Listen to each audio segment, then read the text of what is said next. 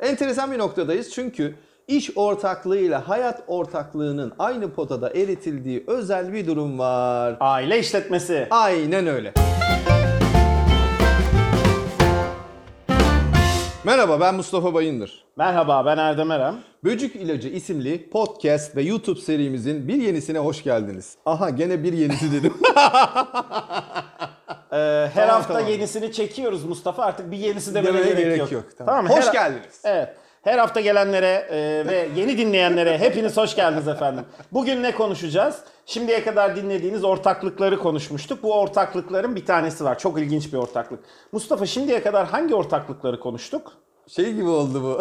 Röportaj gibi oldu. Tamam tamam tamam tamam düzeliyorum. Şimdiye kadar iş ortaklığını konuştuk. Hayat ortaklığını konuştuk. Proje ortaklığını konuştuk. Enteresan bir noktadayız çünkü iş ortaklığıyla hayat ortaklığının aynı potada eritildiği özel bir durum var. Aile işletmesi. Aynen öyle. Peki bu aile işletmelerinde ortaklık nasıl oluyor? Ee, ne gibi problemler çıkıyor? İşte kuşaklar arası problem var mı? Ya da işte şapkalar arası problem var mı? Ve benzeri bunları konuşacağız bugün. Şapka demişken ee, Mustafa 3 tane şapkadan bahsediyoruz bu e, aile işletmelerinde.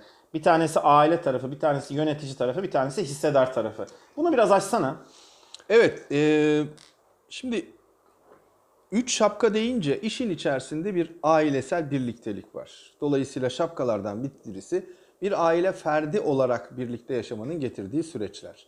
Bunlardan bir diğeri hissedar olma noktası. Yani bizim aslında ortaklık diye tanımladığımız önemli bir noktalardan bir tanesi bu. Bir diğeri de aslında e, icranın içinde olmak. Yani işletmenin yönetiminde yer alan aile üyeleri için iş şapkası var. Dolayısıyla aile ferdi olduğunuz şapka, hisseder olduğunuz şapka ve e, işletmede yönetici, karar mekanizmasında yer alan bir yönetici olduğunuz şapka. Üç tane şapkadan bahsediyoruz. Şimdi bu üç tane şapkadan bahsediyoruz. Atalarımızın bir tane lafı geldi aklıma. Bir Şapkanı giy, koltukta- elbiseni Yok. unutma. Bir koltukta kaç karpuz derler ya. Şimdi Evet, biz aynen burada üç tane karpuzu sığdırmaya çalışıyoruz. Çok doğrusun. Doğal olarak e, atalarımızın da söylediği gibi gerçekten bu üç karpuzu sığdırmak ve o karpuzları kırmamak çok önemli bir şey ve çok zor bir şey. Şimdi neden çok önemli ve çok zor bir şey? Hatırlarsan daha önceki ortaklıkla ilgili e, podcast serilerimizde e, karar almaktan, rasyonellikten ve duygusallıktan bahsetmiştik. Ahanda dananın kuyruğunun koptuğu yer burası. Hem duygusallık var hem rasyonellik var. Çok zor. Karar almada çok zorlaştırıyor bir de. Neden? Çünkü ailenin bir ferdi olunca duygusallık daha ön Devrede. plana çıkıyor. Tabii. Fakat hisseder olduğunda artık işler biraz daha rasyonelleşmeye başlıyor. Hele hele işin içerisinde kurum, bir kurumda yönetici olmak ve icra kurulu üyesi olmak dediğinde işin içerisinde neredeyse duygusallığı tamamen bir kenara bıraktığın ve işletmenin geleceği için çok rasyonel kararlar alman gereken bir noktaya gelmiş oluyorsun. Aynen öyle. Aslında e, yönetici tarafına rasyonalizm, rasyonel taraf dersek aile tarafı, e, duygusal taraf tam ortada da hissedarlık tarafı gibi böyle bir tela var. Ve bu telanın içinde e, sadece bir kişi var. Yani e, bir, bir koltukta üç tane karpuz var ve bu karpuzların hiçbirinin patlamaması, çatlamaması gerekiyor. Ve aslında sorun da buradan çıkıyor. İşte aradığımız böcük bu üçünü dengede tutabilmek Evet. ve e, ilişkileri dengede tutabilmek. hani Aynen öyle. ilişki noktasından yola çıkıyoruz ya üstad. Aslında burada ilişkileri devrede devrede ve düzgün tutabilmek çok önemli. Şimdi burada işte karar mekanizmasındaki o duygusallık ve rasyonellik işin içerisinde ortaklık olunca, hayat ortaklığının dışında bir de iş ortaklığı olunca biraz karışmaya başlıyor. Çünkü e, örnek veriyorum işletme ile ilgili bir kurumsal karar alacaksınız. Varsayıyorum yönetimsel süreçte ailenin fertlerinin uygulamada olduğu noktada onların kararlarını bir miktar profesyonellere devretmek zorundasınız. Ortaklığınız bunu gerektiriyor. kurumsallaşma. Değil mi? Şimdi şöyle düşün. Bir işletme düşünelim. İki tane kardeş kurmuş olsun. Bizim bu hani e, Forum dernek tiyatroda. dernek için forum tiyatroda Evet. işlediğimiz konu. iki kız kardeş vardı ve onların ne yaptı? Çocukları Çocukları vardı. vardı. Birinin iki çocuğu, birinin bir çocuğu ve bu üç çocuğun da yönetimde yer aldığı ve bir takım isteklerinin ve beklentilerinin olduğu bir durum vardı. Al bakalım ortaklık çıkmaza giriyor mu, girmiyor mu? Neden? Çünkü bir taraftan kurucu ortaklar iki kardeş olsalar da çocuklarına karşı çok ciddi bir duygusal Bağı var. bağları var. Hele bizim vakamızda iki tane hanımdan bahsediyoruz. Evet. Onların Çok çocukları zordu. var. Çok zordu. Hatta biz bunu bir buçuk yıl oynadık. Ee, Evet. Çeşitli şehirlerde oynadık.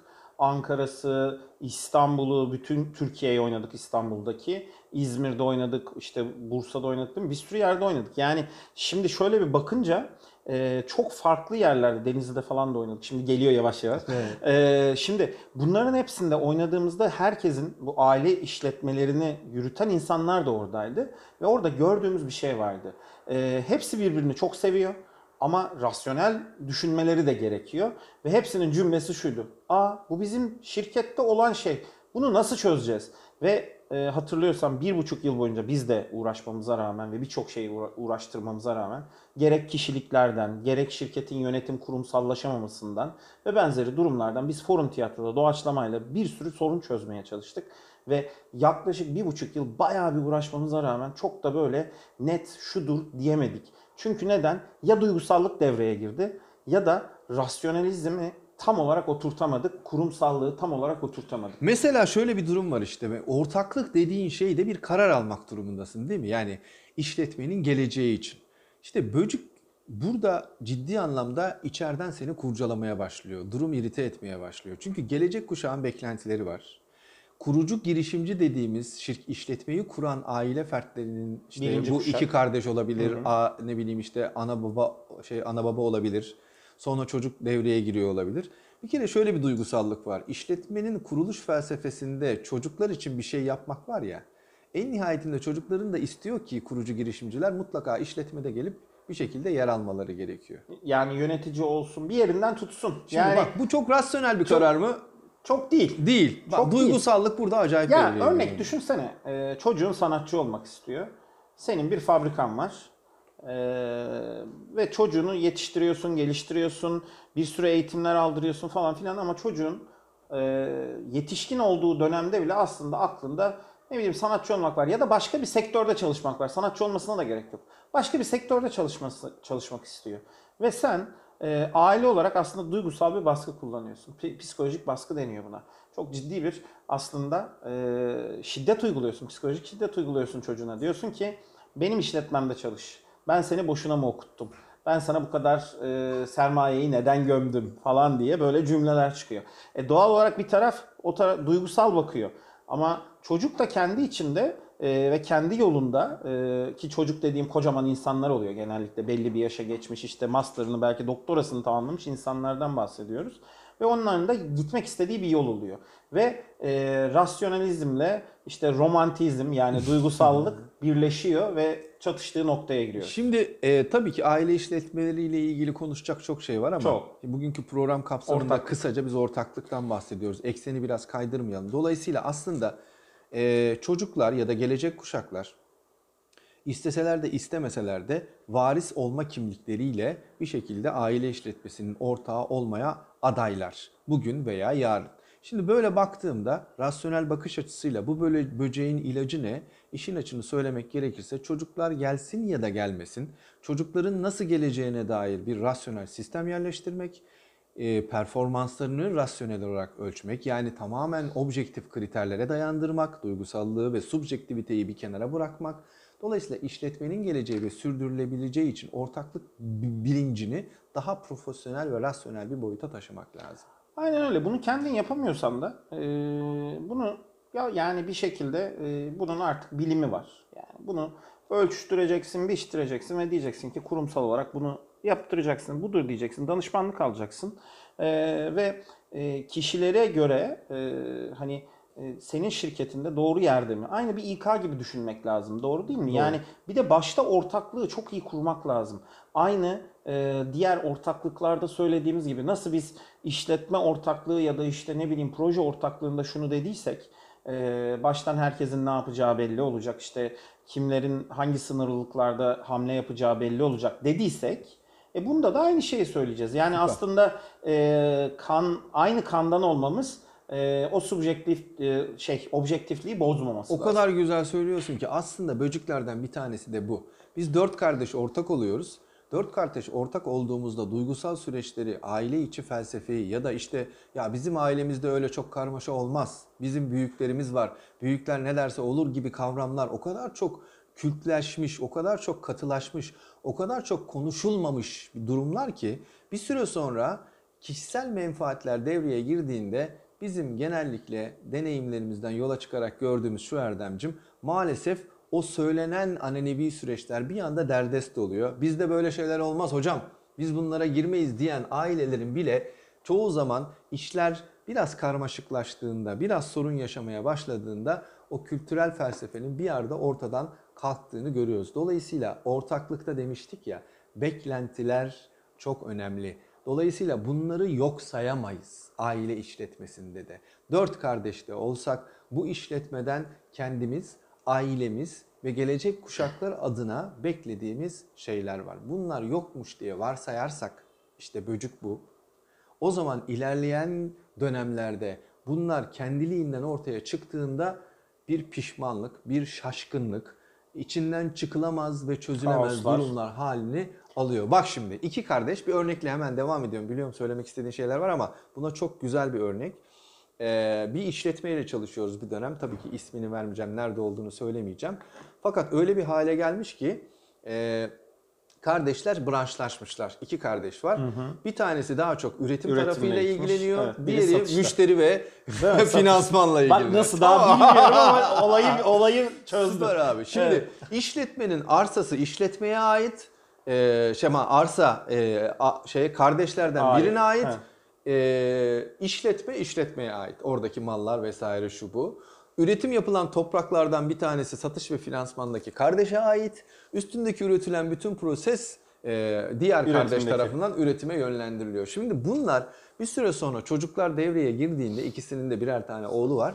İşletmede e, amcalarla çocuklar arasında bir e, Çatışma çatışma, başlıyor. Bundan sonra da ayrılma kararı alıyorlar. Oo. Şimdi ayıkla pirincin taşını. Aynen. Tam o cümleyi Fabrikayı nereye taşıyacaksın? taşıyamaz. Çünkü arsanın sahibi olan kardeş artık fabrikayı orada istemiyor doğal olarak. Şimdi bir taraf diyor ki ben üretimi biliyorum ama ya müşterileri tanıyan o, finansmanı yapan o, ne kadar paramız var ben onu bile bilmem diyor. Öbür tarafta diyor ki ya ben ham maddeyi nereden alacağım? Eskiden biz kendimiz üretiyorduk, kendimiz dikiyorduk, kendimiz satıyorduk. Şimdi e, ben pamuğu vesaireyi, bezi başka yerden almak zorundayım. Tabii. Karıştı. Yani bu hat hatırlıyor musun? Hayat ortaklığında e, ila nihayet sürecek şeylerden bahsetmiştik. Bu da maalesef çok ciddi sorunlardan Tabii, biri tabii. haline gelmeye başladı. Ee, hatırlıyor musun? Ben de şeyi şeyi e, bu konuşmada şunu e, konuştum. Hani ilk bu e, hamam böceği görme muhabbeti vardı bir tane. Hatırlıyor musun? O böceği gördüğümüzde tepkilerimizden bir tanesi neydi? Görmezden gelmek. Şimdi işte biraz önce anlattığın örnek tam da o böceği görmezden gelme durumu. Aslında birinci kuşak bunu görmezden geliyor. o böcek hayatımızda var halbuki değil mi? Ama Nereye var. görmezden geliyor? Yani sen e, çocuğu yapsan da yapmasan da var. Yani bir tarafın çocuğu var, bir tarafın çocuğu yokken de oluyor bu. Oluyor bir tarafın tabii. çocuğu varken de oluyor. Yani e, zaten ortada bir ortaklık varsa e, o böcük zaten var. Sadece senin onun adını koyup doğru yere hapsetmen ya da noktalaman gerekiyor. Yani e, çünkü şöyle bir güzellik var. Olumlu tarafı da var aile aile işletmesi olmanın. Şöyle bir güzellik var. E, tolerans artıyor aslında. Diğer bir e, işte birbirini tanımayan iki kişinin ortaklığına göre toleransı fazla.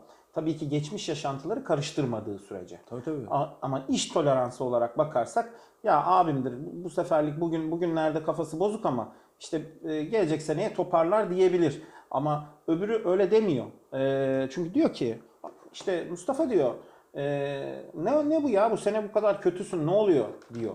Ve e, bu ayrılmaya kadar gidebiliyor. Ama ailede şöyle bir tolerans da var. O da güzel tarafı aslında aile şirketi olmanın. Hani o karşılıklı anlayışın biraz daha fazla olması, güvenin biraz daha fazla olması. Tabii ki geçmiş yaşantıda hata yapılmaması durumunda bu oluyor. İşte bu da birinci kuşağa düşüyor aslında. Ya da kim şu anda baştaysa ona düşüyor diyelim. Ee, işletmeyi yöneten, şirketi yöneten kişinin e, aslında doğru kuralları koyup ortaklığı doğru temeller üstüne yani sonradan bile olsa doğru temelleri oraya çakması lazım. Çok güzel söyledin. Aslında ilk programdan beri derken hani bu ortaklık konusunda konuştuğumuz ilk programdan beri aynı şeyin üzerinde duruyoruz. Sonuçta hangi ortaklık olursa olsun, hangi platformda olursa olsun bu aile işletmelerinde öyle. İki kardeş olarak duygusal bir bağ, güvenilir ne bileyim birbirine olan inanç daha başlangıçtan hiç ihtiyaç duymadığınız halde var olsa Var. bile oturup açık iletişim kurmaya ihtiyaç var. Yani olası bütün senaryoları düşünüp buna göre daha kurucu girişimciler olarak bir karar verip işletmenin olası riskleri bertaraf edecek şekilde ailenin duygusallığından kaynaklanan olası riskleri bertaraf edecek şekilde ortaklığın yapılandırılmasına ihtiyaç var. Yani biz nasıl olsa duygusallığı ve inancı ve güveni baştan tesis ettik. Vay efendim bunlar varken bize bir şey olmaz demek maalesef sonuçta zaman zaman hiç de istemediğimiz eee, durumlarla karşı karşıya kalmamıza sebep olabiliyor Erdem. Zaten dünyadaki araştırmalarda tam da dediğin şeyi söylüyor. Bütün dünyadaki aile şirketlerinde e, bu ortaklığın doğru belirlenmemesi e, ya şirketlerin Allah göstermesin batmasına sebep oluyor. Tamamen yok olmasına. Ayrılmalara sebep oluyor. Çok büyük şirketlerden çok küçük şirketlere kadar söylüyorum bunu.